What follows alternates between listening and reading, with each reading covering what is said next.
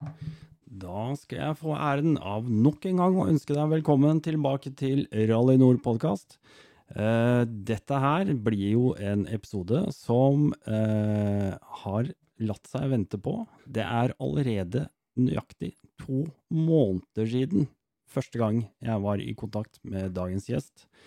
I mellomtiden så har vi hatt uh, tidsskvis, eller tidsklemmer. Vi har hatt uh, arbeidspress. Vi har hatt uh, hver vår omgang med moderne pest. Og vi har kjempet oss gjennom såre, tette neser, sår hals, hoste og uh, sikkert hatt mye annen motgang. I mellomtiden dette her, det er kjempegøy. I dag så gleder jeg meg virkelig til å introdusere dere og husk, mitt navn er Dennis Travolta, og før du glemmer det, ikke glem å abonnere, da.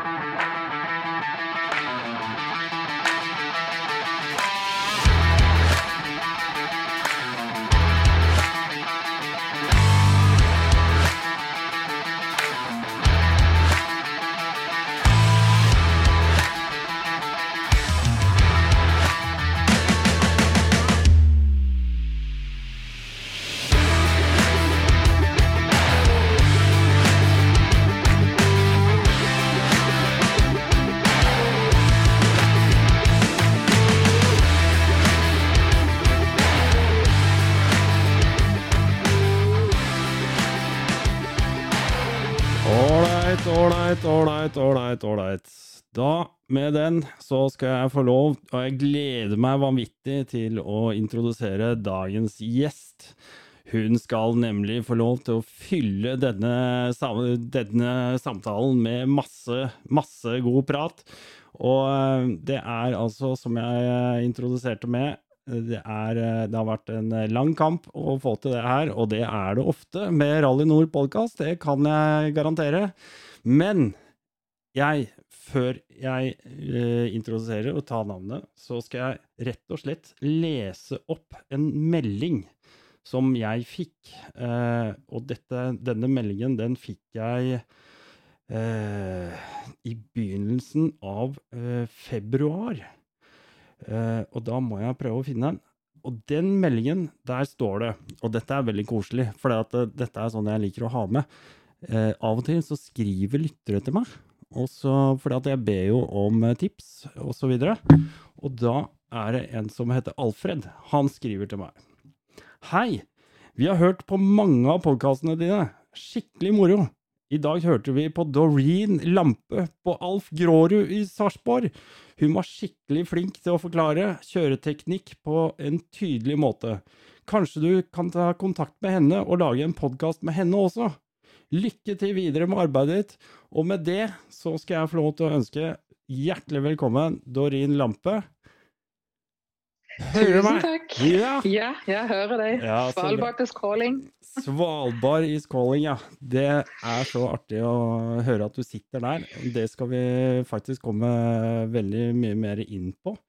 Um, jeg må bare få lov til å si at uh, denne meldingen som jeg fikk av Alfred, uh, det var egentlig litt artig fordi eh, du hadde altså en, et sånt Et sånt um, ja, hva var det for noe igjen, da? Det var altså på Alf Grårud, så hadde du noen greier, og jeg hadde lyst til å dra dit. Og så hadde jeg lyst til å ta med opptaksutstyr og sånne ting, men jeg vet av erfaring at sånne ting det blir sjelden så godt som man ønsker, og så, og så sklei det litt ut, da. Men jeg tok noen kontakt, i hvert fall. Ja. ja. Uh, men uh, jeg kan jo si hva det var jeg styrte med når jeg var på Alf Grårud. ja, visst. Det var et ja. Adventure Days for jenter. Det var det. Det skal vi komme tilbake til. Det står nemlig veldig tydelig på lista mi. Men før vi gjør det, så vil jeg gjerne at uh, vi introduserer deg litt mer for lytteren, så vi har noe mer bakgrunn i forhold til uh, hvem vi snakker med osv. Ehm, de som hører på, de kan høre at du har en liten aksent, i hvert fall i bakgrunnen. Ja, og det er alltid like morsomt, fordi at folk bruker et lite øyeblikk å eh, plassere meg rent geografisk sett. Aha. Noen treffer første gang, noen, noen trenger litt mer tid. Mm. ja. Og, bak, um, og bakgrunnen, den er fra good old Germany fra Ja. Tyskland. Ja. Men det er jo veldig hyggelig, da. For uh, nå er du faktisk på Svalbard, som du sier, og du har vært i Norge i mange år. Eh, så det er jo feil å kalle deg tysk. Vi vil jo gjerne at Det- du skal være norsk.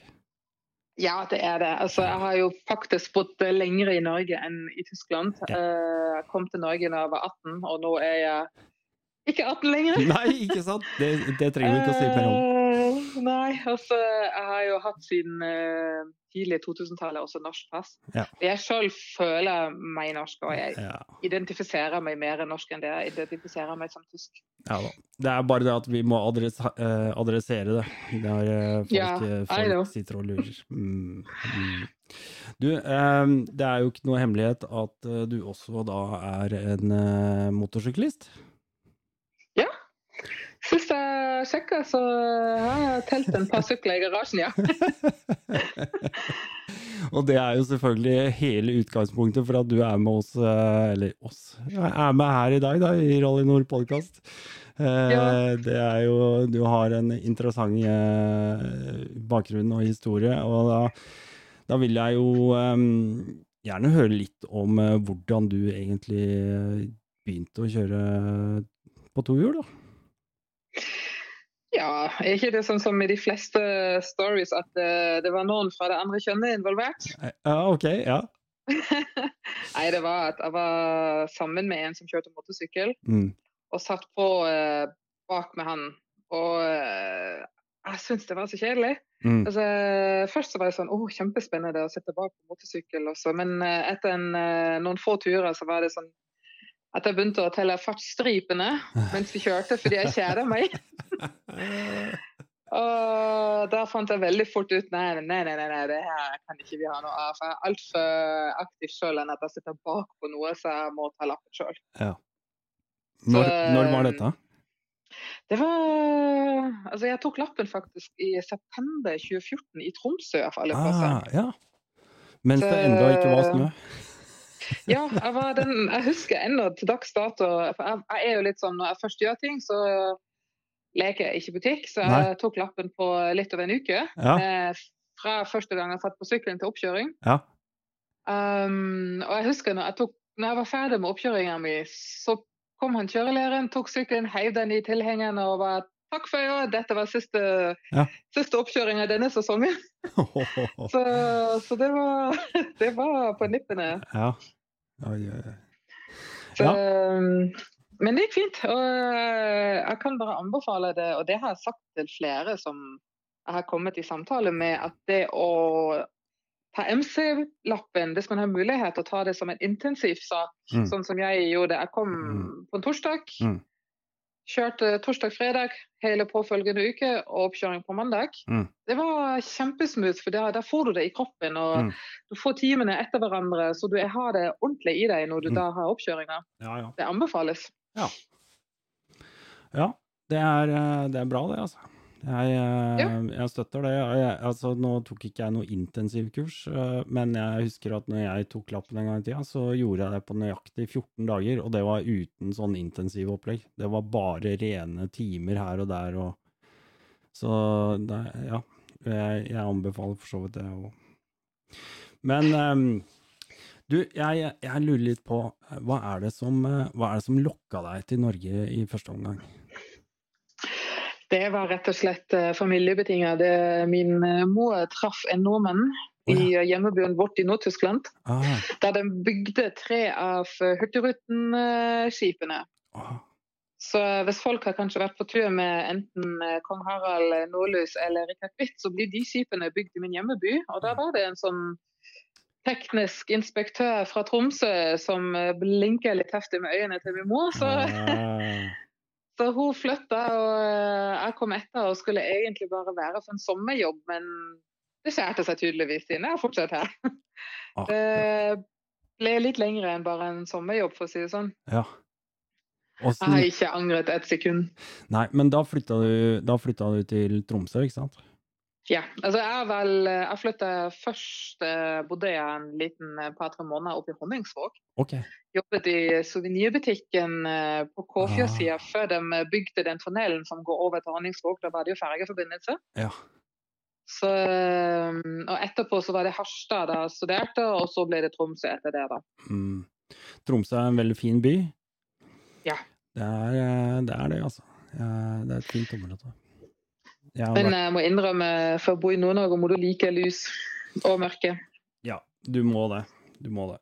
Uh, altså, hvorfor jeg sier det, er fordi at jeg har bodd der uh, selv. Uh, eller det vil si, jeg har mer eller mindre vært stasjonert rundt der. Jeg har vært i militæret der oppe, og jeg har også vært på Malangen et års tid. Ja.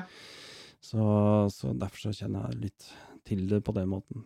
Et person, mer personlig borti- forhold til det. Mm. Var Eh, nei, jeg var ikke i Bardufoss, jeg var i Marinen. Oh. Så jeg var på, Oh. inne på, på hva heter det, Olavsvern. Inne i hallen, inne Ja. i fjellhallen der. Ja, kult. Mm, det var kjempekult. Og nå, nå er det ingen som har den muligheten lenger, så vidt jeg vet. Nei, det tror jeg er stengt. Men det var et fantastisk eh, stilig sted, altså. Inne, inne Mm. i fjellet der. Men det er Jo. ikke det. Ehm, du, eh, ferden videre derfra, den eh, har jo strekt seg videre mot eh, Svalbard. Ja, og her har jeg vært siden 2009. Oi. Du har vært der så lenge? Ja. Oi. Ja. Det. Men uh, er det litt sånn fordi at du hadde, du hadde fått litt uh, eventyrlyst? Du hadde kanskje vært med på litt uh, vinteraktiviteter i Tromsø og så deg litt rundt, da, eller? Eller hva, hvordan kom du deg til Hvordan endte du på Svalbard? Nei, jeg er ikke livet en kjede av tilfeldigheter. Mm. Eh, jeg delte leilighet med venninner i Tromsø som eh, hadde en sterk tilknytning til Svalbard, for broren hennes eh, driver en restaurant her oppe. Så, og Hver gang hun skulle til Svalbard, så var hun helt sånn Ja! Hun gledet seg i ukevis og var helt i hundre. Mens jeg var litt sånn Ja, men herre min hatt, det er jo bare en øy oppi ingenting, ikke sant? Så jeg, jeg klarte ikke helt å dele den fascinasjonen. Jeg forsto ikke hva som var greia. Nei. Og så jobbet jeg i ganske mange år på Hurtigruten. Mm. Og eh, Hurtigruten hadde jo også, eller har jo fortsatt for så vidt, de turene langs eh, kysten på Svalbard. Og da ble jeg forespurt plutselig om jeg kunne tenkt meg eh, å vært med på Nordstien. Og jobbet en sesong her oppe, og det var tidlig i 2000-tallet. Så da ble jeg med, og, om sommeren som ekspedisjonsguide blant annet. Ja. Og, og sånn ah, Now I get it. Altså, da skjønte jeg liksom hvorfor hun var så begeistra hver gang hun skulle opp hit. Ja.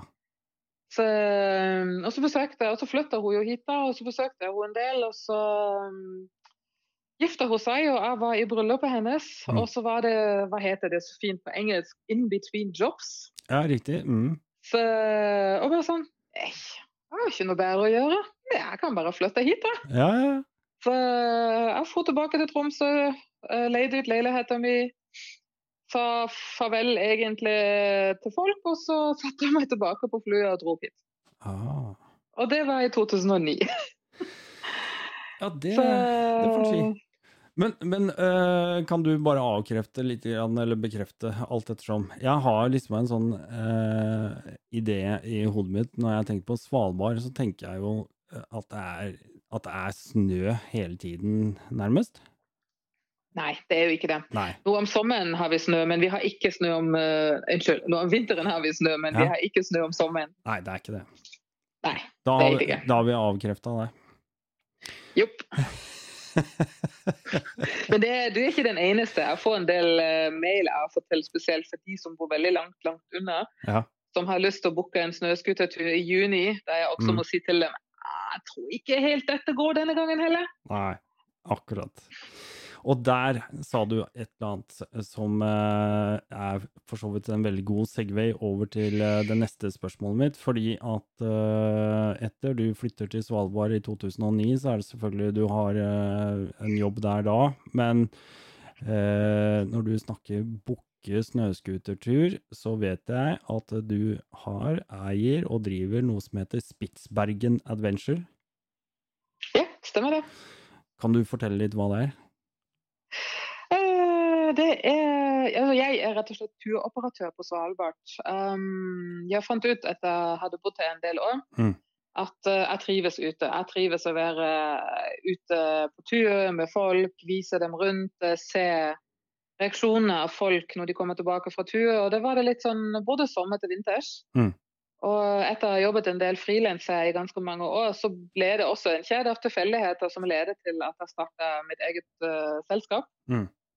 Og det har bare Det begynte med én snøscooter og meg og en slede, og nå er vi på liksom en skuterpark på rundt 12-13 skutere og et par biler og ansatte. og Oi. uh, vokst seg, vokst seg uh, sånn mellomstor etter hvert. Ja. Så det, det er det snøscooterturer om vinteren. Vi har nå gåturer til isgrotter, som sommeren er det også uh, veldig mye gåturer og dagsturer og slike ting, uh, som er der til, gjerne til fots eller med bil, der man kan kjøre. Mm. Så, um, og så har vi også på forespørsel ting vi kan organisere. Så det, ingenting er umulig, for å si det sånn. Eller jo, det begynner å bli litt umulig uh, du må, du må gå etter reguleringer fra semesteren, men, Ja. men uh, generelt sett, hvis du vil leie et båt, så klarer vi å få det til. ja. Åssen er det nå? Er, uh, blir eh, regelverket eh, innskrenka?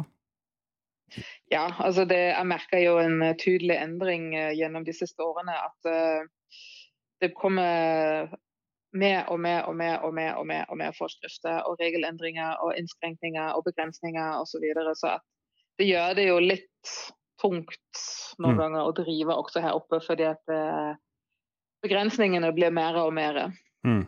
på hva vi har mulighet til å gjøre og ikke gjøre, og få lov og ikke få lov for slikt. Er det, er det rett og slett pga. fotavtrykk? Det er et godt spørsmål. Altså, vi klarer ikke helt egentlig å sette fingeren på det. eh, Nei. Om det er politisk, eller jeg tror det går veldig mye på hva staten egentlig ønsker med øya Svalbard. Jeg tror ikke de har klart å konkludere det for seg selv ennå. Nei. De har stengt eh, alt som har med gruvedrift å gjøre, og de holder Mm. på å ødelegge for turismen her oppe. Mm. Så vi vet egentlig ikke hva den langsiktige planen til staten Norge er for Svalbard. Nei. Nei. Så, um, men eh, jeg driver nå så lenge det lar seg gjøre, og Ja. så syns jeg fortsatt at det er veldig veldig koselig å se de smilende fjesene fra våre gjester når de kommer tilbake fra tur. Mm. Det er så artig å se på morgenen står de og kikker på deg og er kjempeforventningsfulle og vet ikke helt hva de har sagt ja til. Og så kommer de tilbake og bare 'Å, det var den beste dagen eh, de har opplevd.' Og, Ja. Nordlys så og, det og sånne ting. Ja, og så Mm. lange vidder, store Mm, mm. fjell, fantastisk lys. Og noen ganger trenger det ikke engang å være pent vær, noen ganger kan det også være dårlig vær. Og det syns de også er kjempekult, for det er litt ekstrem, og det opplever de ikke hjemme, liksom. Nei. Men du, jeg, eh, jeg vet at du eh, Altså, du er en engasjert eh, dame. Det er helt tydelig. Du har masse jern i ilden, og jeg vet at du har også en liten sidekick i dette her. Du har noe du kaller Northern Biker Girl. Og da er vi vel over på to hjul og motorsykkel igjen. Da har vi beveget oss fra snøscootere. Hva er det? Eller hvem er det? Hvem er det? Eller det er sånn, eh, bare for å korrigere det lite grann, Ja. det er Northern Bike Girl. Unnskyld. Ja, det er jeg som har skrevet feil. Jeg sitter og leser ut fra hva jeg har skrevet. Beklager. Northern Bike Girl i ett ord. Eh, Northern ble jo litt sånn fordi jeg holder til her oppe, da. Mm. og har bodd veldig mye i Nord-Norge. Og så Bike Girl er jo da Ja. i seg selv motorsykkel og jente. Ja. Det, det ble også litt til gjennom tilfeldigheter, som det meste i livet. Mm. At uh, jeg begynte etter hvert liksom å være mer og mer aktiv i miljøene, og så uh, snakke litt med folk og se meg litt rundt. Og, uh, og så begynte jeg å se litt mer på det i fjor, egentlig. Mm. Um, behovet for å, å lage noe for jenter. Mm. Der, der det er fokus på jenter, for det finnes masse flotte forskjellige ting der ute. Og eh, det mangler liksom noe for jenter som er rettet mot uh, enduro, adventuresykler, hovedsakelig adventuresykler. da. Mm. Um, for det finnes jo Lima og hva de alle heter, men det er alt som for gatesykler. Det finnes veldig lite om ingenting for jenter på sykkel som liker å rase rundt gjennom skogen. Nei. Mm. Og eh, samtidig som jeg har møtt en del jenter som, eh, som ønsker det, Mm. og som har lyst til å bli med, men som eh, ikke tør helt. Ja. ja, det er noe med det. Og jeg, jeg har jo applaudert det. Jeg håper jo, og jeg syns jeg ser det heldigvis, da, så syns jeg ser mer og mer at uh, damer kommer på, på banen og uh, engasjerer seg og tar tak uh, og, og gjør ting selv på egen hånd. Ja, det er jo det. Så, um, og um, jeg tok jo kontakt med Irene Askeland også Mm. ganske sånn med en gang når hun uh, fyrte i gang den uh, Facebook-gruppa si. Mm. Så vi konkluderte jo veldig fort at det her er noe vi må jobbe litt sammen om, og det her skal vi uh, prøve å lage noe kult ut av. Mm. Så, um, og det er jo definitivt et behov til stede. Ja. Og har opplevd det på flere treff jeg har vært med på. Jenter trenger noe, de også. For Mm. alt er veldig mannedominert og mannerettet, og tar ikke hensyn Mm. til at kanskje behovene er på en litt annen måte enn hos guttene. Ja.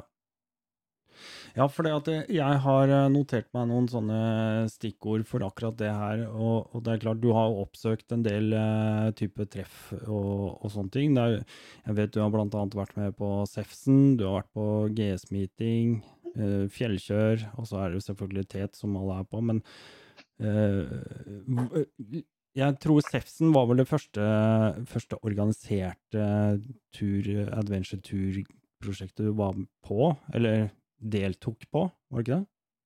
Nei, nei Å, nei. det Jeg håper å si min adventure-sykkelkarriere starta med fjellkjør. Det var Fjellkjør, ja. Ok.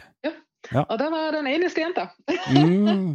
Mm. Så eh, jeg husker ennå at eh, han eh, Kenneth hadde en liten tale på slutten av arrangementet, liksom at han ga veldig klar beskjed til kjæresten min at han var bare nødt til å ta vare på meg, for det finnes ikke mange av samme slag. Nei, nei, nei. nei. Nei, det, det tror jeg er gjengs i, for alle. Men, eh, men da var det faktisk sånn at det var min første sesong med den eh, Jeg kjører jo en BMW R1200 GS. Mm.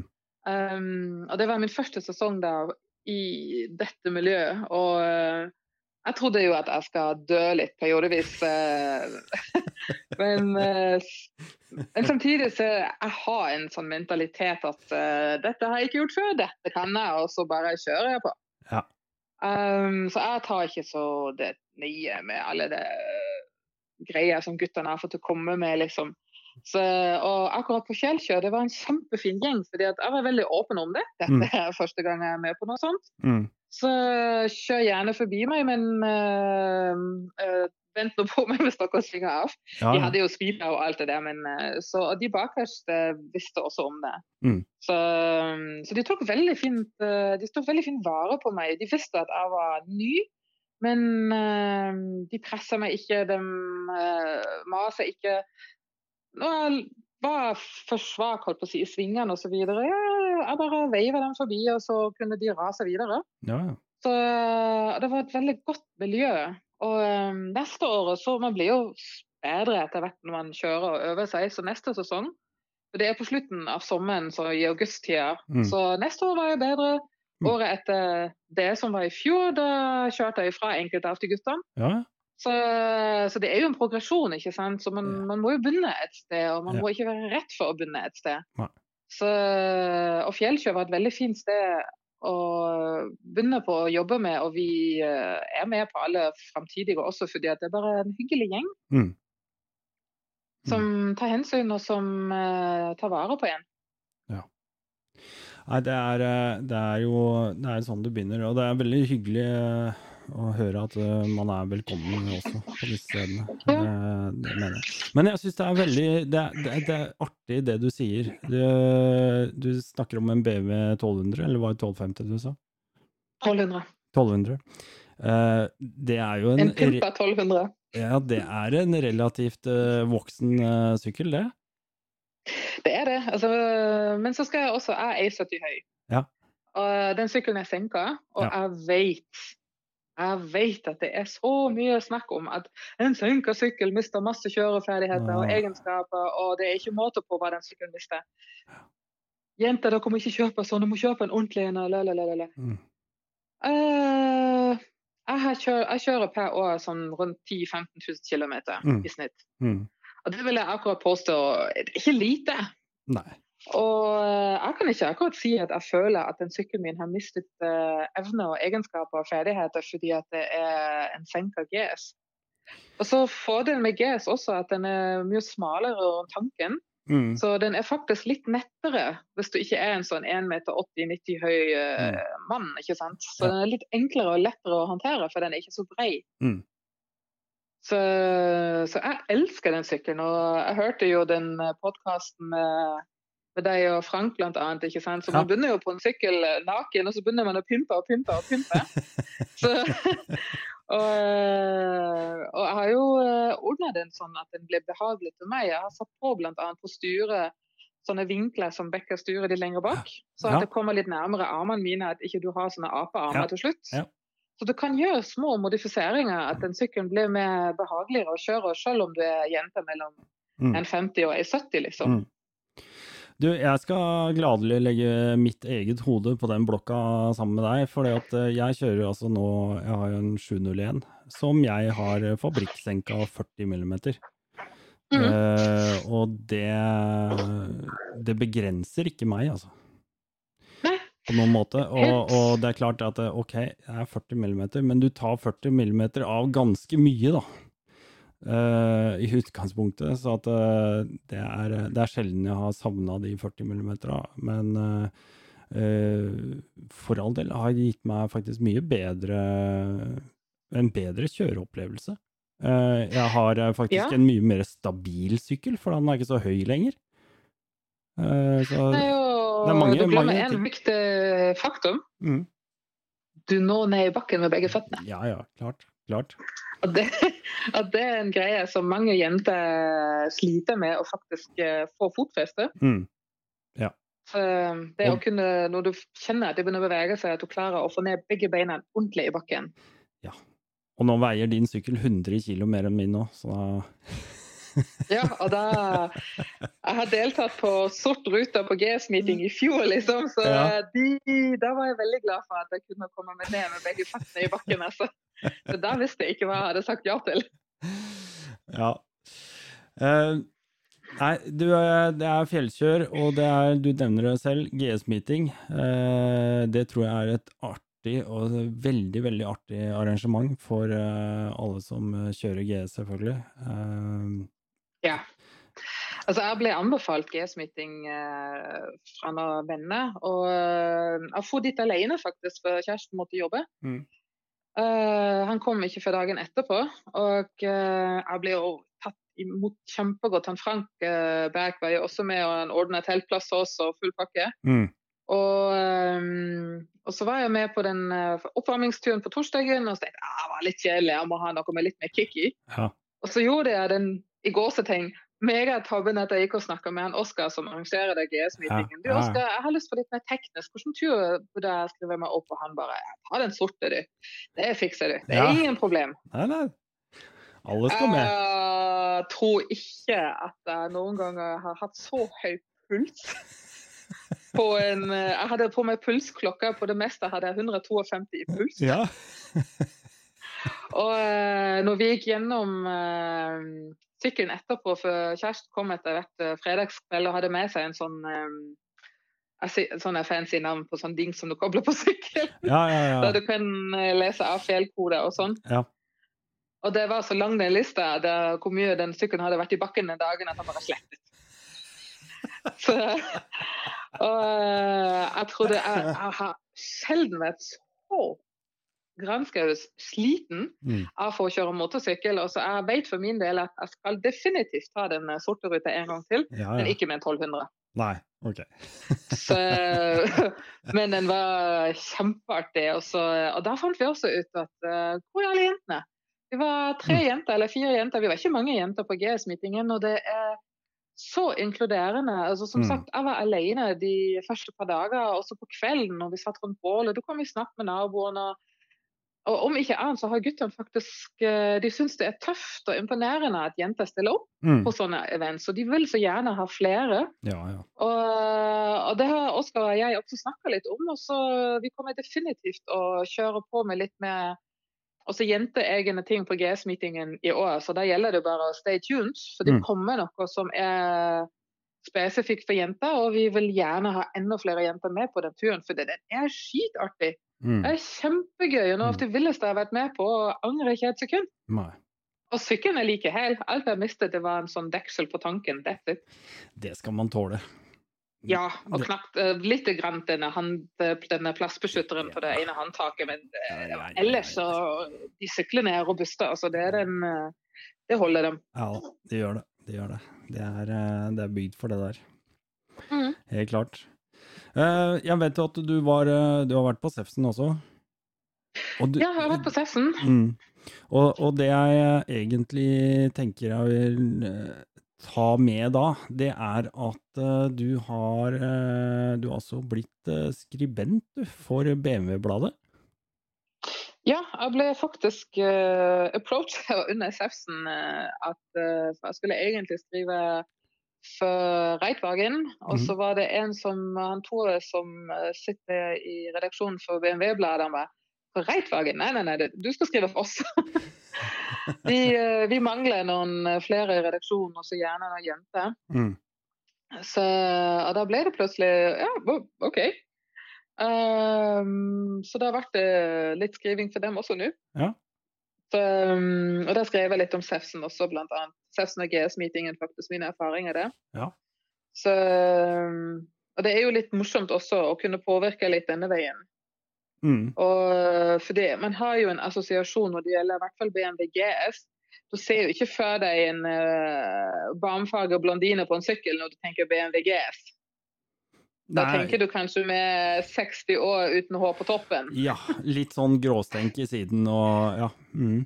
Ja, så, så det er jo litt morsomt å kunne på en måte rive litt på den eh, det å si nei, nei, nei, det finnes flere av oss. Mm. Mm.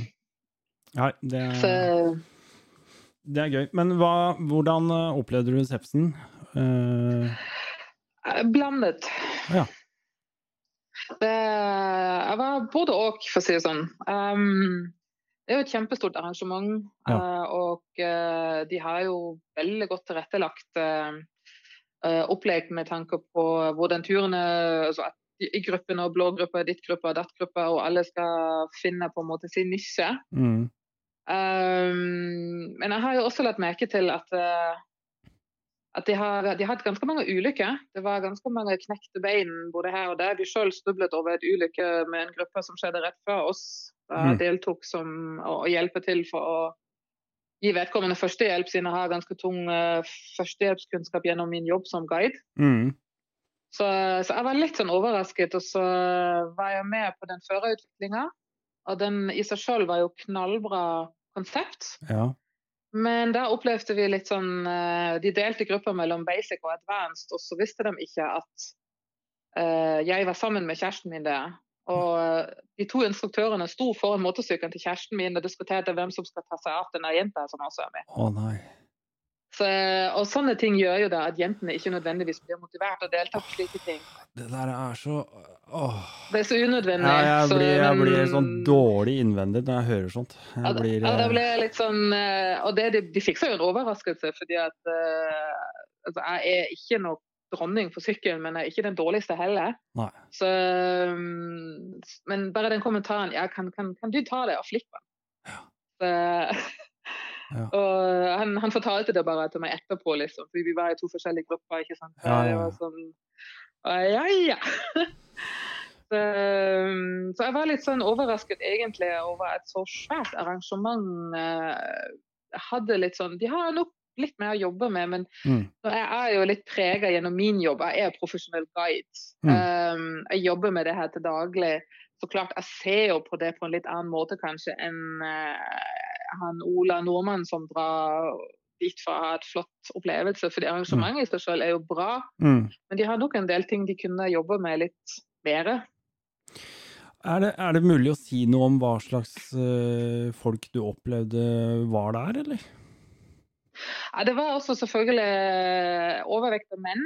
Um, det var Nå må jeg se, jeg har ikke tallene rett foran meg, men jeg skrev det i BMW-bladet, for det var veldig, veldig få jenter. Mm. Så um, det var mesteparten menn, uh, og så voksne, da. Mm. Og så var det faktisk en farlig blanding egentlig mellom uh, BMW-folk og KTM-er. Ja. Så uh, du så jo liksom den det de kalte for advanced um, tempo. Ja. Der så du jo KTM etter KTM etter KTM etter KTM og nå husk for en er Og Ja, ja, ja. Ja. så, mens uh, BMW-ene de fulgte med på den advanced scenic og uh, basic-ruten. Mm. Så, um, så var jo en del andre sykler også, men det er jo Jeg håper å si aldersgjennomsnittet er jo litt oppover. Men det er kanskje kostbart, er det det? Jeg har aldri vært på det, så ganske- jeg, så jeg spør Det bare er Det er ganske dyrt, Mm. egentlig. I, så uh, det var sånn Så vi har vel konkludert for oss at uh, det var greit. Ja. Men uh, så altså, Ja, nå fant jeg faktisk fram her til detaljet. Um, av nesten 400 deltakere Oi. så var det kun 9 Altså hele Ja. 9 kvinnelige deltakere. Ja. Og av 40 turledere var det bare to som var jenter. ja. Så jeg tenker vi lar tallene snakke for seg sjøl. 400 deltakere, det er mye, altså. Ja, 393 deltakere. Det er logistikk. Det er mye logistikk, og det Ja. skal mye på plass. Så Jeg tenker nesten at uh, da, er det, da er det fort gjort å gjøre disse feilene, og det, det er akkurat mye av Dette er bare fra toppen av mitt hode, men, uh, men jeg tenker at et sånt antall, det, det er det som preger ulykkesstatistikken. For det første så har du jo plutselig flere mennesker. Eh, Det er én ting. Men, men det jeg tenker er at det er fort gjort at uh, noen kanskje havner i litt feil gruppe, eller at de kjører litt over evne.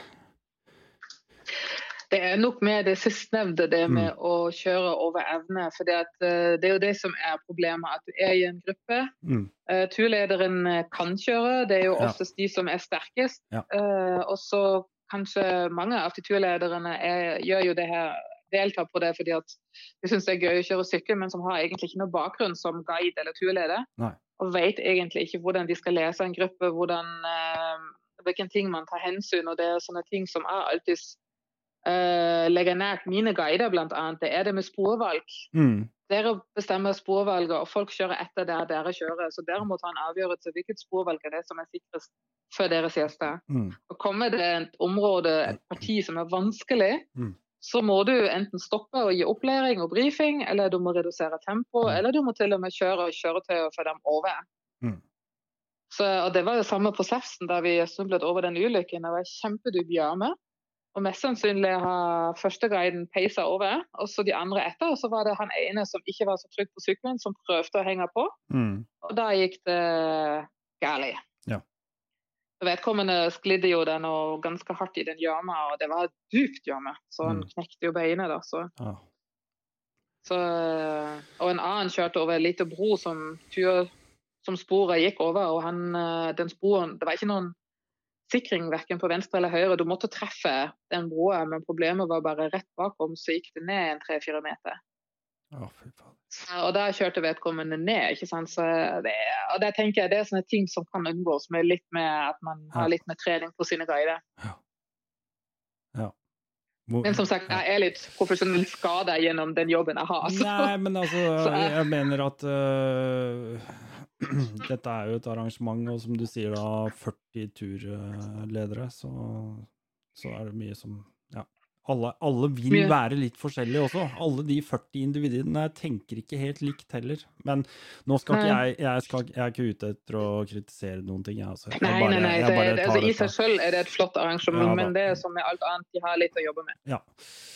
Du, jeg, eh, jeg observerer at du, eh, du tar dette her eh, over i um, Du drar litt sånn egne preferanser over i dette her, eh, da kommer vi rett tilbake til eh, det vi innleda med, eh, hvor jeg fikk eh, en melding om å ta kontakt med deg, og du var jo, som du sier, på Adventure Days for jenter på Alf Grårud.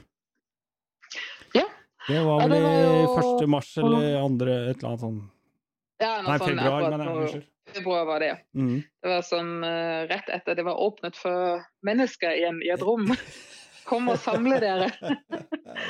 Eh, det var jo igjen av den eh, denne beskjedne lille personen som jeg er, ikke sant. ja, ja.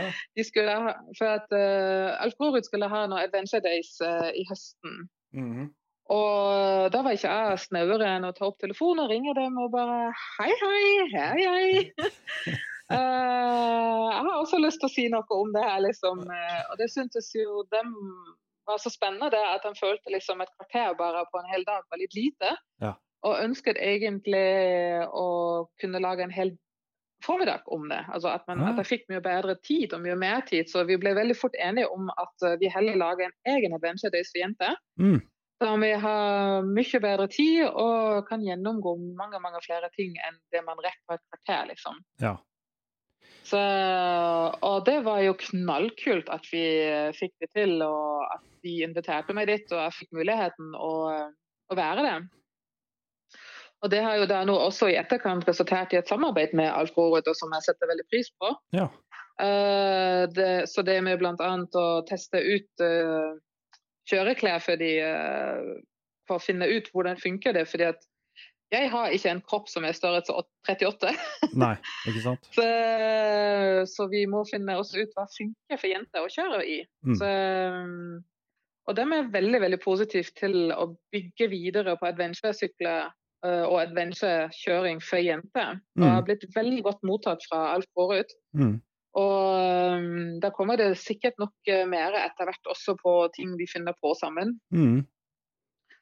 Så, og det som jeg så på den dagen, det kom jo en god del jenter, og det syns jeg var knallhyggelig. At folk faktisk hadde lyst og gadd å komme og se på meg. Ja, ja, ja. Det er jo ikke alltid sikkert bare fordi du sier at du skal fortelle noe, at folk faktisk kommer.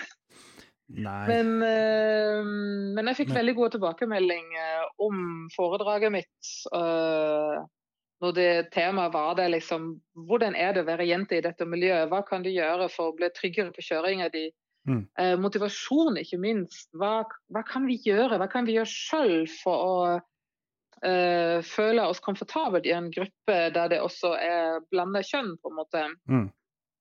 Så, så det var utrolig koselig å se at jentene satt og lyttet til eh, anbefalingene mine. Mm. Så, og jeg er jo ikke noe snauere at jeg viste dem jo noen videoer også fra meg hvor jeg har kyssa bakken, ikke sant. Ja, ja, ja. Så for vi alle går jo på trynet, vi gjør jo det. Men Så- viktig er det etterpå å reise seg igjen og fortsette. Det er helt klart. Det er helt klart. Du, jeg, jeg, jeg beklager å avbryte deg, men eh, jeg, det er faktisk tid for eh, den eh, periodelige reklamen her Ja. i Rally Nord podkast. Ja, folkens. Ja, folkens. Da er det på tide å lese opp dagens vinnere.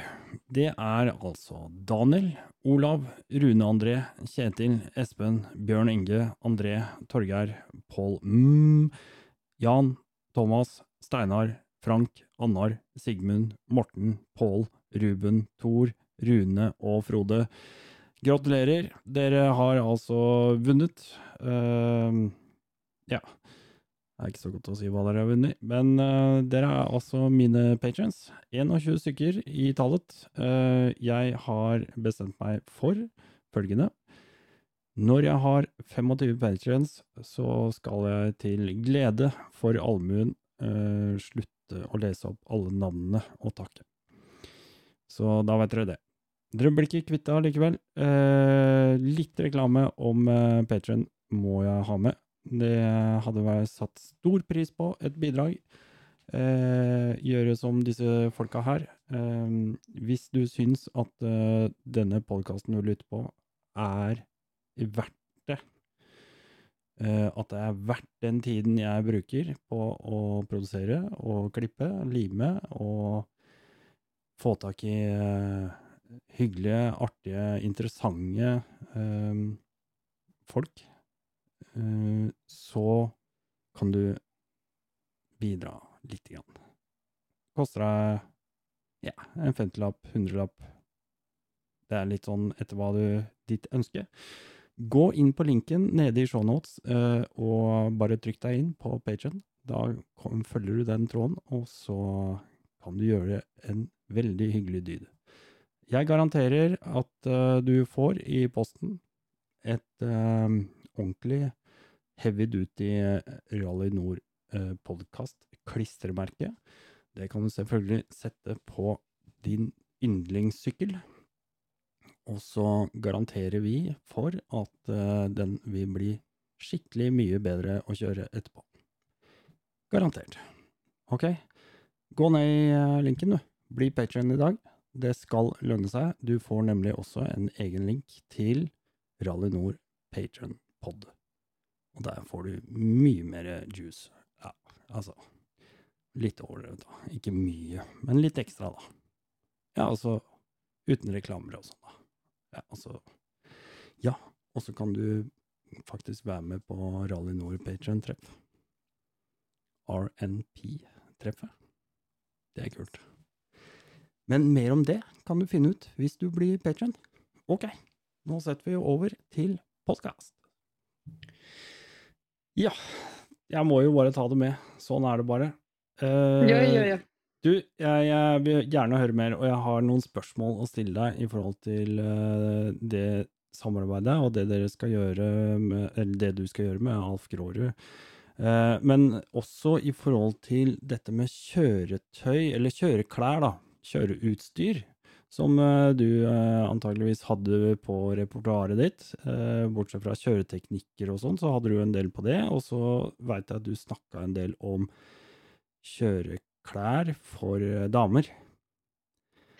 Ja, um, det er jo en litt sånn, hva skal jeg si, øh, hjertebarn øh, for meg da, av at uh, det finnes et altfor svakt og altfor dårlig utvalg Mm. for jenter som ikke er en, som jeg sa, 38 eller 40. Mm. For det, spesielt i Skandinavia, men også ellers øh, i Europa, Tyskland osv Mm. så finnes det jenter som elsker å kjøre sykkel, som er en vanlig klesstørrelse 44, 46, 48. Mm. Og eh, det finnes bortimot ikke noe brukbare klær. Eh, Saga hadde hun som er ansvarlig for salg med klær, slik på Alcorud, hun hadde en liten presentasjon etterpå av kjøreklær. Mm. Og så var det en par jakker som, der det står på at det er en 46. Uh, og jeg bruker en 44-46 til vanlig. Og jeg tok på meg den jakka, og det var sånn eh, Jeg var stoppa, jeg fikk det så vidt over armene. ikke sant? Så, Ja. altså, de størrelsene er ikke reelle i det hele tatt. Og det å finne en bukse eller en jakke for ei jente som har former, Mm. Er utrolig vanskelig. Og da må man over på eh, herreklærne, og vi alle vet at herrene er smalere rundt hoftene og bredere over skuldrene enn det vi er. Mm. Vi får det kanskje til å passe på et vis, men så kommer jo da gjerne beskyttelsestingene som kne og albuene og skuldrene ikke dit de skal. Kan ja. ikke, skal vi bryte det litt ned? For jeg synes det det, det er veldig viktig Jeg tror det er viktig å prate om det. Jeg tror det er viktig at uh, produsentene av dette utstyret uh, tar mer ansvar og tar det mer alvorlig. Jeg, jeg begynner på toppen, jeg. Og så tenkte jeg at hjelm for damer og hjelm for herrer, det er i grunn to forskjellige ting.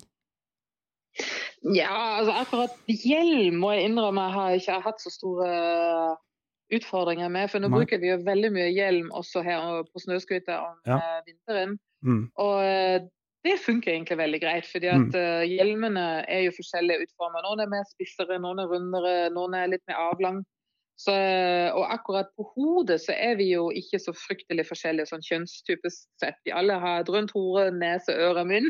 Mm. Eh, og så er det bare shapen av hodet som er forskjellig, og hjelmene går jo helt ned til ekstra small. Så hjelmene de er egentlig relativt greie etter mitt eh, syn. Mm. Det, Ja. det blir mer det som er fra halsen og nedover. Nei, altså grunnen til at jeg nevner det på den måten, og det, er ikke, det har ikke noe med noe annet å gjøre enn at uh, hodeformen er altså, i snitt mindre hos uh, damer. Eh, men så har damer også kanskje noen ganger litt kraftigere mm, kinnben i forhold til hodeform. Eh, det, det kan hende. Ja, Det er derfor jeg sier det, for jeg vet at det er noen hjelmprodusenter som har fått med seg det, og, og rett og slett uh, lager hjelm for damer pga. akkurat disse tingene. Jeg sier ikke at det er en stor ulempe, eller at det er et problem som er stort og vidt og kjent begrep, for det er det helt sikkert ikke, og det er ikke sånn jeg mente det. Men, men det er Nei, nei. Du har modeller da, for uh, herrer og uh, for damer i, i, Mm. uh, hos enkelte hjelmprodusenter. Så, så de, det er jo kult å vite. Mm. Ja. Eh, Men videre nedover, fra halsen og ned, som du sier, det er jo da selvfølgelig bekledning. Og da Um, Det er jo Alt er jo veldig forskjellig. Det er individuelt hva folk trives med. Noen vil ha mange lag, og andre vil ha alt i én, osv., osv. Men til syvende og sist så er det det viktigste av alt på overkroppen, det er jo at beskyttelsen sitter nøyaktig der hvor den skal sitte. Ja, og at den er faktisk like sterk. Altså hvis du f.eks. tar Klim. Mm. Ja. Ehm, jeg og ei dame som heter Kjersti Holden, vi driver og jobber sammen om en artikkel nå om det med bekledning. og Hun har virkelig gått litt i dybden på det. Mm. Og har bl.a. Uh, prøvd å få snakket med Klim om dette, fordi at beskyttelsen av ryggplata og det som er av beskyttelsene i de klærne, Mm. er grad to, mens hos mennene er det grad tre. Så hvorfor er det dårligere beskyttelse i jenteklærne f.eks.? Og hun har ikke fått noe godt svar på det. Er det sant? En annen ting, ja, og en annen ting er at på Klim sine herrejakker så har de også plater i jakka foran Ja. på, på brystkassa til mennene. Og det har de ikke på damer. Og når hun spurte hos Klim direkte hvorfor har dere ikke beskyttelse foran i jakkene til damene, Mm. Nei, de hadde testa det i USA, og jentene syntes det var ubehagelig å ha noe plater foran. Så altså, ikke bare er at det er dårligere beskyttelsesgrad, men også mindre. Men da forutsetter jeg, eh, med det du sier, at eh, det er en eh, spesifikk jakkemodell, herre- eller damemodell, av Ikke sant? En type. det er sånn Klim sine klærne. Du har jo både Mm. Badlands osv. på Ja. Klim for herre, og så har du jo noe tilsvarende på jente. Ja. Det er rett og slett Klim sine damer. Ja, Okay. Klim sin damebekledning har svakere beskyttelsesgrad i, i de paddingene som Mm. er i, enn på herrene. Mm. Og menn, nå er det et men også her, som f.eks. på Klim har en veldig fin passform. Så um, jeg har uh, Klim-dress, og så nå kommer jeg å uh, få en uh, dress fra Alf Grorud som jeg skal teste nå den, denne sesongen. Den nye jentedressen til Alf Grorud. Mm. Nei, ikke til Alf Grorud, til Mm. Klim. Ja, ja. Så, men de har faktisk en veldig god passform igjen, i hvert fall når det gjelder adventures, sykkel. Mye lufting, du får den over hoftene, du får den stengt foran på, på brøst, Mm. brøstfronten. Mm. Eh, så, så, de eh, så den funker veldig bra. Men klart, Klim er jo egentlig sinnssvakt dyrt også, da. Ja. Og det er ikke alle som har råd til en Klim-dress, f.eks. Og da burde det være litt mer på markedet til jentene. Mm. eh, som også er i mellomprissegmentet. Du har jo noen merker som er veldig veldig gunstige, men de er jo elendige. Kjører gjennom én regnskue, så er det jo våt Ja. tvers igjennom, Ja. Mm. Så, så det fins Eller så stopper den på 44 i klesstørrelse, som det er reelt en eh, 40, ikke sant. Ja. Så, så de klesstørrelsene som er på kjøreklærne til damer, er ikke reelle i det hele tatt. Nei. Og ikke finnes det lang eller kort, eller sånn som på herrene, så kan du ofte få tak i lange lengder eller korte Ja. lengder og slikt. Ja, du får det. Fins ikke hos jenter. Nei.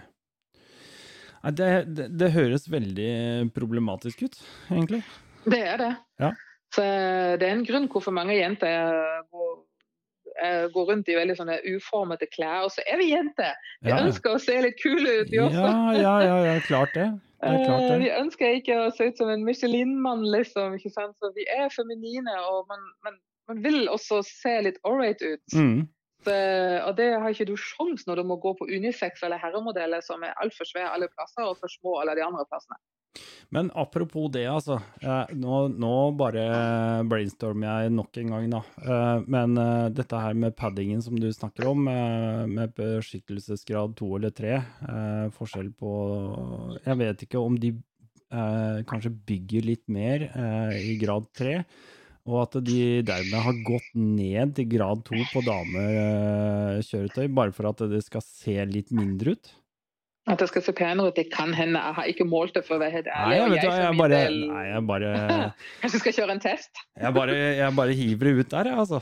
Som en Ja, sånn nei, eh, vi må, det må jo testes nesten. Nå blir jeg litt sånn intrigued. Det, det må vi finne ut. Ja. Det, det er Altså, klesbransje generelt er jo forferdelig sleip eh, bransje. Det er det. Så, altså, min løsning har jo faktisk vært at eh, jeg har tatt ut paddingen fra jakka, og så bruker jeg en brynje istedenfor. Og det tror jeg faktisk mange kunne gjort uh, med fordel, fordi at uh, de ville fått noe som faktisk skal beskytte deg til å sitte der det skal når du trenger det. Ja, det er jo akkurat det. Ja. Men det er med brynje også at eh, jeg har sett på litt forskjellige modeller. Mm. og de, er, de fleste brynjene er laget for herre. De er veldig Mm. brede over skuldrene og kjempesmalt rundt midjen. Ja, ja. Så at uh, når du har dem på deg, så ruller det seg liksom oppover igjen. Mm. Uh, hvis du beveger det litt. Ja. Så altså det er egentlig det meste av MC-klær eh, trenger en uh, overhold for å kunne faktisk innstille seg litt mer på kvinnelige sjåfører. Og Hvis Mm. vi ser på statistikken, så finnes det hvert år flere og flere jenter som tar lappen. Mm. Og det er et segment som uh, har stor kjøpekraft. For face it, vi jenter vi elsker å shoppe. Mm. Og vi har gjerne flere antrekk i skapet. Jeg ser det jo hjemme hos oss. ikke sant? Typen har en Gore-Tex og en skinn. Jeg har en for by, en for skog, en for regn, en for ditten, en for skinn, en for sommer, en for sol. ikke sant? Jeg kjente meg sånn bare- overhodet ikke igjen. Så, så vi jenter vi har kjøpekraft, og vi vil gjerne ha ting som funker. Og da kjøper vi også kanskje til forskjellige anledninger osv. Og så jeg håper å si, Den første produsenten som forstår det og Mm. etterkommer det, Mm. vil faktisk tjene godt med penger. Jeg tror eh, hvis du kan kombinere mye av det jeg ser på som er gjengangere på typisk eh, altså Kanskje ikke de Gore-Tex eh, og sånt, men mye av skinn og sånt for damer. Så er det mye søm og mye sånn broderier, og det er litt sånn derre pimpa opp med litt sånn rosa tråder og, og mye sånn. Eh, Gjør gjerne det, men, men for all del eh, ikke glem hva dette tøyet egentlig skal eh, ja, representere, eller gjøre, da. Eh, Ja, det må være en advarsel, det, ja, det må liksom være en oppfordring til, eh, til produsentene. Ja, nei, altså det, det må passe. Mm. Det hjelper ikke å lage masse bling når det når 80% av jentene ikke passer de klærne. Det- Jeg kjøpte en eh, Jeg har en eksempel her for mange år siden. Jeg var på MC-messa i Oslo, og så hadde Bullfighter noe utsolg, og så var det et merke Det var ikke Bullfighter sitt, det var et annet merke. Mm. Anyway, De hadde salg på noen sånne Gore-Tex-jakker. Tenkte å, rosa Gore-Tex-jakke i Oslo bytrafikk, det er Mm. kult, det. Ja, ja. Jeg måtte, jeg måtte opp til 5 XL for å få den til å passe. Og vi kan vel alle konkludere med de som kjenner meg, jeg er ikke en 5 XL. Nei. Altså, vi sto egentlig og flirte godt, for det bare er ikke mulig. Så, um, altså, men vi er der, liksom. Nei, hva er det Jeg skjønner ikke det. Jeg har aldri For- skjønt, jeg har aldri skjønt dette med damestørrelse. Jeg vet jo liksom Jeg vet at eh, desto mindre det er, på en måte, desto ja, mer attraktivt Eh. skal det framstå, da, på en måte. Men, eh, Ja, men det hjelper litt når realiteten er noe annet. At det Riktig. finnes veldig mange formfulle jenter for oss som elsker å kjøre motorsykkel. ikke sant? Når du kjører i en typisk adventure-sykkel, så skal du ha frihet og bevegelighet i alle retninger, og det er en aktiv kjørestil som krever at tøyet sitter ordentlig. Det er akkurat det. Og det var én ting er blant annet at buksene er vide nok nede, sånn at du Mm. får det over støvlene. Ja. Og øh, jeg har jo f.eks. modifisert mine, mine støvler. Mm, Så at um, det, de fleste jenter av oss vi er litt kraftige rundt leggen. mm, Eller ikke fleste, det er feil sagt, men en, en del av hvis jenter Ja, ja. kraftige rundt leggen. mm. Og da får du ikke de støvlene til å stenges ordentlig. Så jeg, måtte, jeg tok Mm. mine til skomakeren og fikk sydd på en liten sånn ekstra skinnflaps eh, oppe, sånn at jeg får stengt dem ordentlig, sånn at de beskytter beinet mitt som de skal. Så, um, så det er sånne småting, ikke sant. eh, Der produsentene må begynne å våkne litt opp og være litt kvikk. Og Ja, for nå, nå er du på selve støvelen. Ja, sånn at uh, støvler med vid skaft, f.eks. Ja. Med ekstra vid skaft. For Ja. eh, jentelegger, på en måte. Og jeg vet uh, at det finnes noen litt rundere karer også som også hadde kunnet tenkt seg støvler som er litt dyre oppe. Mm. Ja. Det, det tror jeg. Så- Det tror jeg. det er masse muligheter her, men, men man må faktisk begynne å ta tak i disse tingene og gjøre disse tingene. Mm. Vil vi ha et mer si, Vil vi ha et mer blanda uh, folk ut på veiene og i skogen, og eh, da må vi også by på bedre equipment og ting som fungerer, som man føler seg, som du sier, vel i, som passer, som man ikke føler seg innklemt. og ja. Hvor er det de henter målene til dette her fra, tror du? Nei, Det er jo nok som med de fleste tingene. De er søt, lite snelle, liksom, som Ja. ser pene ut på bildene, ikke sant. Ja. For jeg, Så, altså, men- jeg, jeg har jo en typisk nordisk fot, så jeg mener og, og med en gang jeg ser en italiensk støvel, så, så er det bare å se videre. For det veit jeg, Ja, det det, jo kan ikke jeg få på meg. Det, det går ikke. Da, da har jeg jo blodstopp i føtta i løpet av fem minutter. Det er jo så trangt. Nei, det er ikke øh. rom, det er ikke plass til noen ting der. Nei, Det er jo akkurat det spesielt italienske merker. Men Mm. uh, så virker det som at italienske merker er ganske store på MC-markedet generelt sett. Ja, det er de. Så um, om det er Vanucci eller Dainese, og prøv å få på deg en Dainese-dress, Mm. da, da må du nesten være underernært for å få den på deg. Um, nei, det, altså, det, er, det har noe å gjøre med trivsel også. Trives du i klærne dine, Ja. så trives du også på sykkelen din. Og da Mm. blir du en bedre sjåfør og en Mm. tryggere sjåfør. Ja. Alt henger i hop. It's a circle. Helt klart. Helt klart. Uh, men jeg vil ikke slippe helt. Vi har hoppa over et ledd, og det var buksene. Uh, Ja. fordi at uh, det er én ting jeg vet her hjemmefra med min kone, så er det sånn at første gangen vi var og skulle kjøpe kjøreutstyr til henne, eh, så fikk hun en jakke, og så skulle hun prøve en bukse, og sånn. Å nei, å se de hoftene nå. Det ser jo feit ut, ikke sant? Og det har jo noe da med hoftebeskyttere å gjøre. Ja. Eh, altså alle, alle, som, alle som har kjørt sykkel en god stund og fått med seg motorsykkellivets realiteter, de vet at det er et parti du bør ha eh, polstring. Eh, Ja.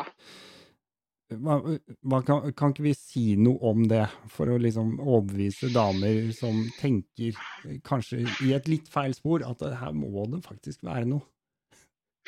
Ja, men det er vel litt tilbake på den generelle passformen. Altså Hvis du har en eh, sånn som ja, Nå tar vi Klim, da, for det er den som Mm. jeg har brukt eh, mest nå. Mm. er det som et eksempel. Uh, Klims jakker for jentejakkene er litt lengre Mm. på innsvinger. Mm. Så, eh, så når du står der og har det på deg jakke og bukse, Mm. så får du egentlig en ganske ålreit silhuett, fordi at uh, du får innsvinger midje. Ja.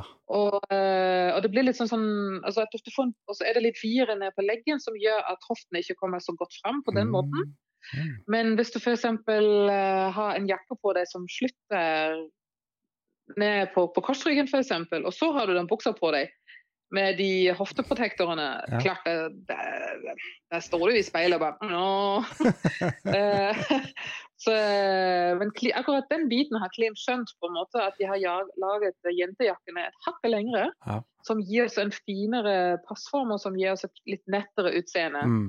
Så, som på en måte kasjerer litt eh, da, at du blir litt bredere over, over hoftene igjen. Ja, ja. Samtidig så er det jo også bevisstgjøring at uh, du må ha dem, fordi at uh, det er dine hofter, og de er du nødt til å beskytte. Ja. Så, um, men klart, altså, det er jo sånn hvordan du kler deg generelt sett. Altså, hvis du har en kropp som er sånn og sånn, så prøver du jo å finne klærne som Mm. får deg til å føle deg vel i. Ja ikke sant? Ja, ja. Og hvis man er litt rund i form, så er en sånn uh, magekortjakke ikke tingen. Altså. Nei. Nei, jeg håper, og jeg, jeg, jeg føler jo på at du er eh, akkurat den rette personen til å prate ute blant damer der om eh, de tingene som, eh, som er viktig å tenke på, altså. Det er, eh, det er bra, det. Ja, takk, takk. Jeg tar ikke et blad for munnen, det gjør jeg ikke. Men jeg, har ikke, jeg tror de som kjenner meg, de kan ikke akkurat definere meg som den beskjedne wallflower, liksom. Nei. Du merker veldig godt når jeg kommer inn i et rom, men jeg mener det også veldig godt, da, ikke sant. Fordi at jeg er ikke rett guttene. Jeg har hengt mye sammen med gutter gjennom hele oppveksten og gjennom de hobbyene jeg har. Mm. Men uh, Så jeg bryr meg egentlig ikke så hardt om om ting og tang de kommer og til med. Men jeg vet veldig mange jenter gjør det. Mm. Og veldig mange jenter føler på det at uh, hvis de kjører sammen med gutter ute i grus f.eks., Mm. så føler de at de blir det svakeste ledd. Ja. Og da er det litt sånn som jeg sa under foredraget mitt også til de herrene som var på stedet. Dere må jobbe med deres kompiser, dere må jobbe med å snu litt attituden og snu litt holdninger. Mm. At når en jente er med, det betyr ikke nødvendigvis at det blir en dårlig, kjedelig sakte tur, og at man ikke får fart og ingen utfordringer. Det kan bli helt motsatt. Det som er største forskjellen er hos jenter, er at de gjerne sier fra mye tydeligere at dette er de ukomfortabelt med. Mm. Mens gutter de peiser på, så Mm. går de på trynet, skader seg kanskje ganske så heftig fordi de ikke har tort å si at du, det her er jeg ukomfortabel med. Mm. Så, Ja, og så må de slutte å Ja, sorry. Og så må de slutte å mobbe jentene. For jeg har overhørt altfor mange samtaler. 'Å, herregud, hun der som kjørte foran. Å, herre min hatt, hun kjører så sakte.' 'Å, hun er bare i veien.' Så jeg har overhørt sånne samtaler Mm. blant menn. Og øh, Nå var det ikke meg de refererte til, de refererte til andre. Og da måtte jeg bare si ja, men øh, kan ikke dere bare kjøre forbi? Du har sovet dårlig i dag, liksom. Mm. øh, Og er ikke helt i form. liksom. Du kan ikke være i form kanskje i morgen, men, men bare det der småpjattet, ikke sant. Og hvis, en, hvis man overhører sånn, det er så, det er så lite motiverende. Og, og det gjelder det egentlig å snu litt den attituden hos enkelte av det mannlige kjønnet. Ja. Ja. Så, å, å tenke litt med, med open-minded. Hadde jeg blitt møtt med den samme holdninga f.eks. på min første fjellkjø, Mm. jeg hadde jo kasta sykkelen i bakken og sagt det her gidder jeg ikke med å gjøre.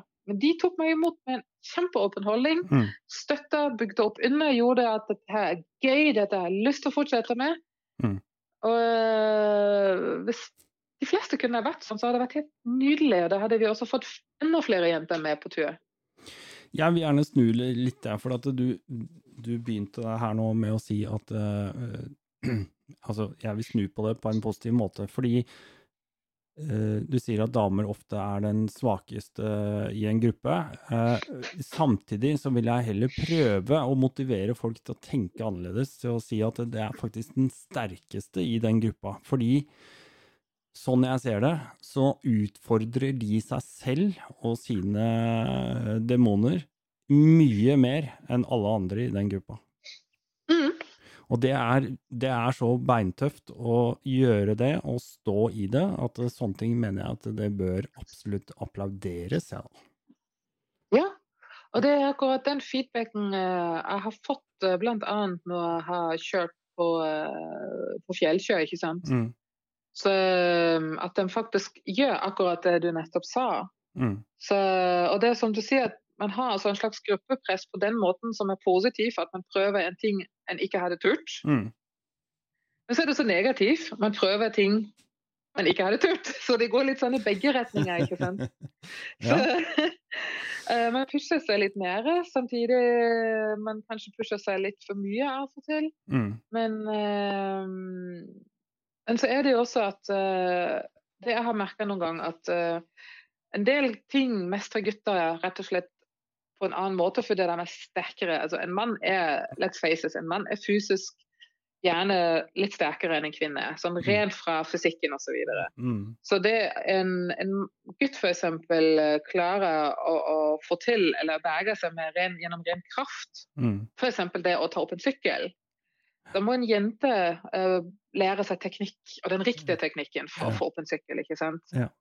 Så, um, eller at man eh, kan kjapt få ut en fot. altså Hvis jeg f.eks. setter ut en fot på min 250 kg tung sykkel, mm. er det en helt annen virkning enn at uh, kjæresten min setter ut foten sin på en 250 kg sykkel. ikke sant? Helt klart. Så, så noen ting må også vi jenter bare innrømme, noen ting må vi lære oss teknikken. Mm, og det kan ikke alltid reddes med, med, med ren muskelkraft og slike ting. ikke sant? Nei. Så um, Og det med at, uh, at, at Altså, det å alltid si at Kjør på! Gi gass! Det er ikke alltid speed er din venn. Nei, det er, det er slett, ikke, slett ikke det. Eh, jeg, tenker, jeg um, tenker litt sånn så, da. Altså, hvis vi skal Nå skal jeg legge huet mitt på blokka igjen. Eh, og det er, det, er, det er, litt av det som, eh, som jeg tillater meg, det som gjør Jeg tror det at for min egen del å prøve å være åpen om mine egne utfordringer, det, det gir en bra tilnærming. Men det jeg vil si, er at jeg kan ikke dra en lang hvil i. Altså, jeg kan ikke kjøre langt på bakhjul, liksom. Og det er det Det har jeg aldri prøvd engang. men, men det er det veldig mange andre jeg kjenner som heller ikke kan. Men det som poenget mitt er, det er at jeg kan det ikke fordi jeg har ikke øvd. Jeg har ikke putta inn timene. Jeg har ikke lagt ned timen, viljen og, og, og, og liksom tilegna meg kunnskapen det er å kunne dra en lang hvil i. Skjønner? Mm. Og det er jo akkurat dette her som dreier seg om denne forutinntattheten. Jeg vet, du har nevnt forutinntatthet eh, i forhold til jenter på tur. De må få lov til å ta den tida de trenger for å lære det. Det må øves, øves, øves. Ja. Det, altså, jeg hadde ikke vært det i dag om jeg hadde gitt opp eh, med en gang jeg hadde fått litt motbør, liksom. Mm. Eh, det gjelder egentlig alt i livet, ikke sant. Ja. Så, um, man, må, man må øve seg. Og så er det som en gode venner av meg uh, sa en gang, at prøv å kjøre med folk som er sterkere enn du. Mm. Som er bedre å kjøre enn du. For altså, jeg må også si veldig mye credit til, uh, til samboeren min. Mm. Um, for det er han som har hatt mange timer med meg i skauen der han bare kom gjennom intercomen. Blikk, Ja, ja. du, opp med blikk, blikk, ja. blikk. Åh, blikk. Ja, du blir drittlei, men du lærer av det. Ja. så, så det Altså, det er jo Du må eh, søke deg sammen med folk um, som kan hjelpe deg videre. Det, det er liksom det der Northern Bike Girl uh, kommer litt inn i bildet også, fordi jeg vil gjerne gi uh, folk den plattformen. Og det er selvfølgelig det går veldig mot jenter, men absolutt fint også mot gutter, ikke sant. Mm. Og det jeg har opplevd mange ganger, spesielt her på uh, min jobb her som jeg har på Svalbard med snøscooter, Mm. uh, av og til Jeg sier ikke alltid, vi skal ikke være for eplekjekke heller. Nei, nei. Men uh, av og til så merker jeg at uh, menn kanskje tar til seg litt mer når det kommer fra en jente, Ja. enn fra en mann. Fordi at vi jenter er kanskje litt mer Ikke kanskje, vi vet jo det, at vi jenter er litt mer verbal. Mm. Uh, så der en mann bare sier 'se opp, du skal dit, gi gass', ikke sant? Mm. så forteller kanskje en jente det som skjer imellom der også. Mm. Så, og det samme er jo på motorsykkelkjøring også. At uh, det å forklare litt med, Forklare enkelt, uh, ikke overload med informasjon, kom seg ut på tur. Og, og det er jo noe som Northern Bike Girl, eller det vil si meg, da, har lyst til å videreformidle. Jeg har en tung bakgrunn som en profesjonell guide. Mm. Jeg har jobbet med dette i uh, over ti år. og føler jo at jeg kan uh, si at jeg kan det med å veilede og uh, motivere og, og, se ting en guide burde se og skal se. Um, og gi den tryggheten. For det som er viktigst av alt, er at de som du er på tur med, hvis du skal lære dem noe, de må være trygg. Og at du leder dem trygg, på en Mm. måte. At de føler seg komfortable. Mm. Det dreier seg mye om eh, pedagogikk også. Ja. Eh, du kan nok ha vært lærer i et helt eh, liv, men du trenger ikke å være en god lærer av den grunn. Eh, jeg tror, altså det, det der er ligger veldig individuelt hva, folk, eh, hva slags evne folk har til å lære bort ting. Da. Ja, det må være sånn eh, at folk eh, at du, altså, du må ikke overloade folk med Nei. informasjon i starten. Nei, nei. Du må ta det gjennom dagen når den utfordringa kommer. OK, nå skal vi over en bekk. Mm. da skal vi gjøre sånn og sånn. Men Mm. du kan ikke begynne å fortelle om den bekken er det klokken halv ni om morgenen når du møtes for første gang. Nei. Nei, nei. Nei, jeg har eh, Altså, i, i mitt private arbeid så, så har jeg veldig mye med akkurat disse tingene med opplæring og sånt av nyansatte og ja. Eh, Veldig klare regler og rutiner og opplæring eh, som, som er fryktelig strikt der hvor jeg jobber. Og, og for min del, eh, alt du skal lære bort, det må begynne et veldig fornuftig sted. Du kan ikke begynne å lære det. det som er i midten først. Altså, du, må, du må lære grunnleggende ting før, og så kan du bygge på de istedenfor scenen etterpå. Og Det er fryktelig viktig. Og, og, og at de som skal lære noe, de er eh, de, de har troa på det du sier, og at de eh, føler seg trygg på det du sier. Det er ekstremt viktig, altså. Og så er det en sånn liten ting eh, som vi gikk litt gjennom på Adventure-dagen eh, hos Alcorit. Det var jo blant annet, Vi hadde tatt fram et par sykler. Mm. Eh, en, en senka tiger og en vanlig tiger. Mm. Um, og viser liksom, rett og slett viser til jentene hva som kan gjøres med syklene for å gjøre dem litt mer passelige for deg. Ja. Så, og, og prøve å sette litt og vise at uh, sånn som jeg har justert min sykkel, ikke sant? jeg har bytta ut ganske mye forskjellige ting for å gjøre det mer komfortabelt for meg. Ja. Men uh, veldig mange som ikke vet om at du faktisk kan gjøre det. Mm. Så De ser en sykkel, setter seg på den og bare huff, nei, den var stort, den var Jeg når ikke fram, og sånn og sånn. Og ofte så er det jo bare noen små tweaks and twerks som må til. Ja. Eventuelt eh, bytte ut en liten del med styret, eller bytte ut uh, fothvilerne til noen bredere, eller noe sånt. Det er oftest ikke store greier som gjør at sykkelen blir mer comfy, ikke sant. Nei, nei, nei. Nei, det er så, Så- mye ettermarkedsleverandører på saker og ting til uh, populære motorsykler i dag at det, det å eh, personalisere, og da snakker vi selvfølgelig om eh, ergonomi, da, ikke sant? Det er jo det vi snakker om her. Både sittestilling, knevinkel, vi snakker om det, styre, eh, bredde, lengde, avstand, alt dette her. Det er, det er veldig små ting som skal til, men det er, det er et eh, hav av eh, muligheter for å, å ja, oppgradere mange sykler. Det er jo akkurat det, men det er som du sier, det er et hav. Og hvis ingen viser deg hvordan du skal svømme i det havet, så er det vanskelig å komme fram til det du trenger, ikke sant? Nei, det er helt det er sant. Det er sant. Nei, men det, det, det er viktig, som du sier, Jeg er helt enig i. Det er jo at eh, damer får eh, ja, vise at det er muligheter. Eh, Fordi en motorsykkel er Ok, er den japansk, så er kanskje Eller ikke si det sånn, da. Men motorsykler er ofte en mannsgreie. Ja. Uh, ok? En, en adventure-sykkel er ofte en, en, uh, en mannsgreie. Uh, og dermed så er den bygd for menn, med tanke på menn, da. Mere. Ja, og da har jeg en oppfordring til alle de mannlige lytterne av podkasten. Mm? Hvis dere har lyst å ha med dama deres på tur, at hun skal lære å kjøre en sykkel sjøl, Mm. ikke snakk henne bort fra en senka sykkel. Jeg har overhørt altfor mange sånne samtaler om at eh, nei, nei, nei, du må ikke gå for en senka sykkel. Hvis det gjør at hun føler seg godt på sykkelen, og hun blir med og deler hobbyen din, Ja. som gjør livet deres så mye enklere, Ja. go for it! Ja. Legg bort alle disse ting som sitter i hodet om uh, elendigheter med senka sykkel. Legg dem til side. Ja. Pust damene på senka sykkel hvis det er det som må til, og ikke eh, snakk dem bort ifra det. Mm. Så um, Da blir jo livet til dere herrer også mye bedre når deres fruene blir med på turen. Eh, det er veldig artig jeg kom på det, det du sier. Hvis noen har lyst Nå skal ikke jeg reklamere for noen av mine YouTube-videoer, for det, er, eh, det, er ikke, det er ikke veldig bra lagd.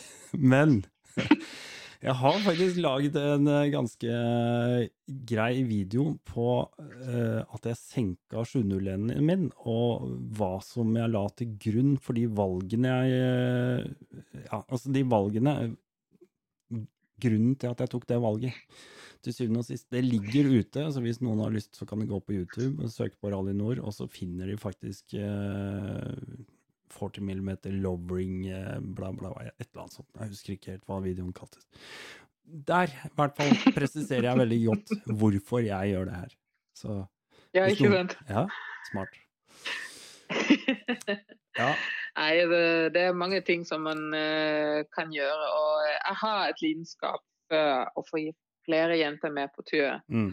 Og vi har grusbedeiene, vi har den uh, grevelsida for jenter. Mm.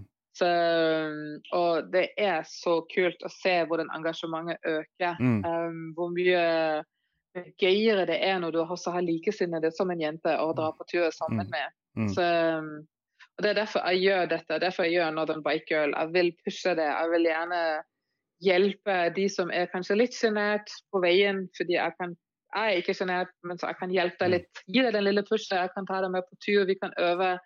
Vi kan eh, gjøre ting i små grupper. Vi kan gjøre ting alene. Så det er masse muligheter. Plenty.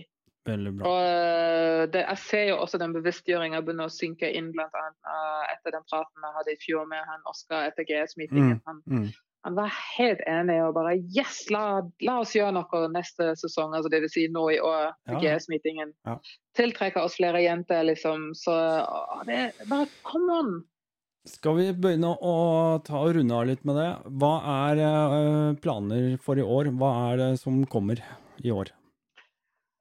Uh, først og fremst er det bli ferdig med vinteren på Svalbard her.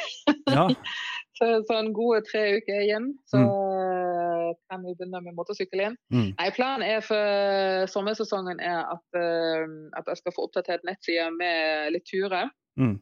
Eh, og eh, være tilgjengelig for både ja, teambuilding-turer, motivasjonsforedrag. Jeg leier meg selv ut som guide. Men eh, også ha samarbeid med Alf Grorud. Vi har snakket om å sette opp noen turer som er grusturer for jenter. Mm. Um, og så rett og slett være ute, være framme og være tilgjengelig for alle de som ønsker det. Mm. Så, um, og rett og slett bygge videre på det konseptet til Northern Bike Girl og eh, få flere jenter ut på to hjul og Mm. ut inn i skauen. Ja.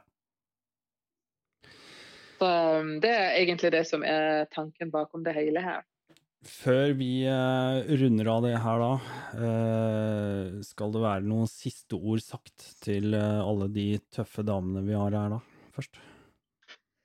Stå på, jenter. Ikke la dere skremme, og bare av og til lukk ørene. Og bare gjør det dere føler er riktig og føles bra for dere. Mm. Det er jeg så enig i. Vi skal bare holde tråden, eh, men yeah. For den eh, normale podkasten så sier jeg bare tusen takk for eh, denne praten, og shalabais til deg. Ja, i like måte så ses vi garantert i skogen et eller annet sted. Det var eh, På Doreen åpne blikk. Åpne blikk, Doreen Lampe, Northern Bike Girl. Nå fikk jeg det riktig. Takk skal du ha. Nå fikk du det riktig. Vær så god.